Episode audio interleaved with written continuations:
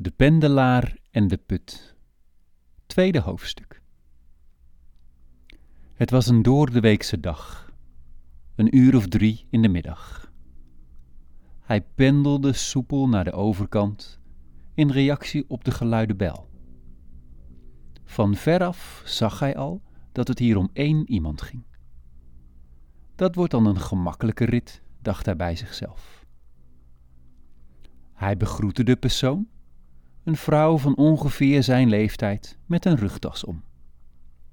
Ze groette terug met een welgemeende glimlach en accepteerde zijn hand om zo op het vlot te kunnen stappen. Ze bewoog zich soepel en gracieus. Goedemiddag. Weertje, hè? begon hij luchtig. Hij merkte dat dit een van de weinige keren was dat hij het gesprek begon. Hallo, was het enige dat hij van haar terugkreeg. Ze keek gebiologeerd naar zijn huisje en de dieren eromheen. Hij voelde zich iets wat beschaamd dat hij zijn flauwe opening had gemaakt en dat hij zich tevreden stelde met het krot dat hij nu zag liggen. Ook betrapte hij zichzelf erop haar van top tot teen te bekijken, terwijl ze met de rug naar hem toegekeerd stond. Met een blos op zijn wangen concentreerde hij zich snel weer op het kabbelende water van de rivier. Woont u daar? vroeg zij zonder hem aan te kijken. Uh, ja, het is niet echt van mij, maar van dezelfde eigenaar als de kroeg van een eindje terug, die u vast wel. Hij onderbrak zijn relaas, want ze leek nu voor het eerst hem recht aan te kijken. Jammer, zei ze met een glimlach om haar lippen. Uh, hoe bedoelt u? Ik wil daar graag wonen, hoorde hij haar zeggen. Diezelfde zin die hij had gebruikt als argument tegen de eigenaar. Voordat hij kon reageren, beëindigde ze het gesprek door om te kijken en haar blik wederom in de idylle te richten. Terwijl hij het vlot vastlegde, was ze afgestapt en hij zag dat ze rond zijn huis aan het schuimen was. Hij voelde zich hier iets wat onwennig bij, maar het deed hem ook goed om te zien hoe leuk ze met de dieren was. En hoe goed ze eigenlijk in het plaatje paste. Kan ik u misschien iets te drinken aanbieden? Als u zo meteen weer verder reist, bedoel ik, kunt u wellicht even een versnapering gebruiken. Dat is erg aardig van u, dank u wel. Ze keek even rond, nam plaats op zijn ochtendbankje en leunde kalm achterover om met gesloten ogen diep in te ademen.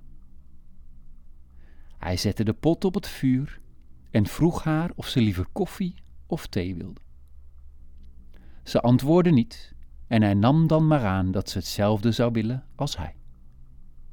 Hij verzorgde twee goede mokken koffie en overhandigde haar de kleinste. Ze sloot haar handen eromheen, alsof het haar meest kostbare bezit in de wereld was. Hij glimlachte hierom. Ik kan nog wel meer maken hoor. Ze keek hem recht aan en bedankte hem voor de mok koffie. Ze gebaarde dat er wel plaats was voor twee op het bankje. En een beetje zenuwachtig nam hij naast haar plaats. Hoe lang was het al niet geleden dat hij zo dicht bij iemand was geweest? Hij had het idee dat hij moest praten, maar wilde ook het mooie moment niet verbreken door geleuter over onbelangrijke zaken. Ze leek het niet storend te vinden. Ze zat met gesloten ogen en nipte om de zoveel tijd aan haar koffie. Zo onopvallend mogelijk keek hij naar de imposante vrouw die nu naast hem zat. Hij vond haar adembenemend. Haar korte zwarte haar leek een leven op zich te hebben en stond alle kanten op. Wat haar een wilde en tegelijkertijd aardse aanblik gaf. Ze was niet erg groot, maar stond rechtop in de wereld. Hij had zijn vrouwen graag wat voller, echter haar slankheid deed zijn hart sneller kloppen.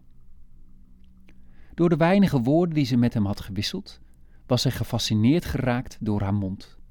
Hij wilde weten wat deze te vertellen had.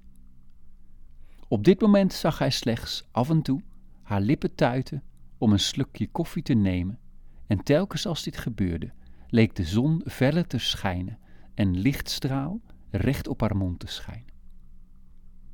Heb je misschien ook wat te eten? Wakker geschud uit zijn dagdroom zag hij dat ze hem nog steeds niet aankeek en recht naar voren sprak. Het viel hem op dat ze de formaliteiten achterwege liet en hem nu met jij aansprak. Hij durfde dit niet.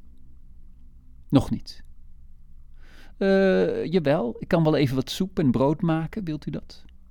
Dat zou ik erg fijn vinden, als het niet te veel moeite is natuurlijk. Nee, natuurlijk niet. Hoe langer hij haar hier kon houden, hoe beter. Elke centimeter van haar wilde hij in zich opnemen. Elk woord dat ze sprak opslaan in zijn geheugen. Elke geur die ze verspreidde vangen.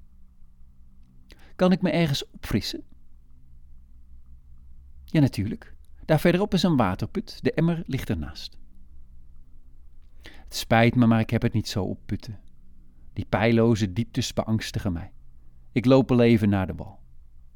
Zijn mond was opengevallen en hij staarde naar de stenen ring. Dacht iedereen op die manier over putten? Nee, hij had wel eerder mensen naar de put verwezen en die schenen er geen probleem mee te hebben. Hij rukte zijn blik los en wilde haar overstelpen met zijn ideeën en angsten, maar ze was weg voordat hij kon beginnen. Knielend op de wal spatte ze wat water in haar gezicht. Ook haalde ze haar natte handen door haar haren om zo te proberen er een fatsoenlijk model in te krijgen. Vertederd zag hij dat het weinig zin had.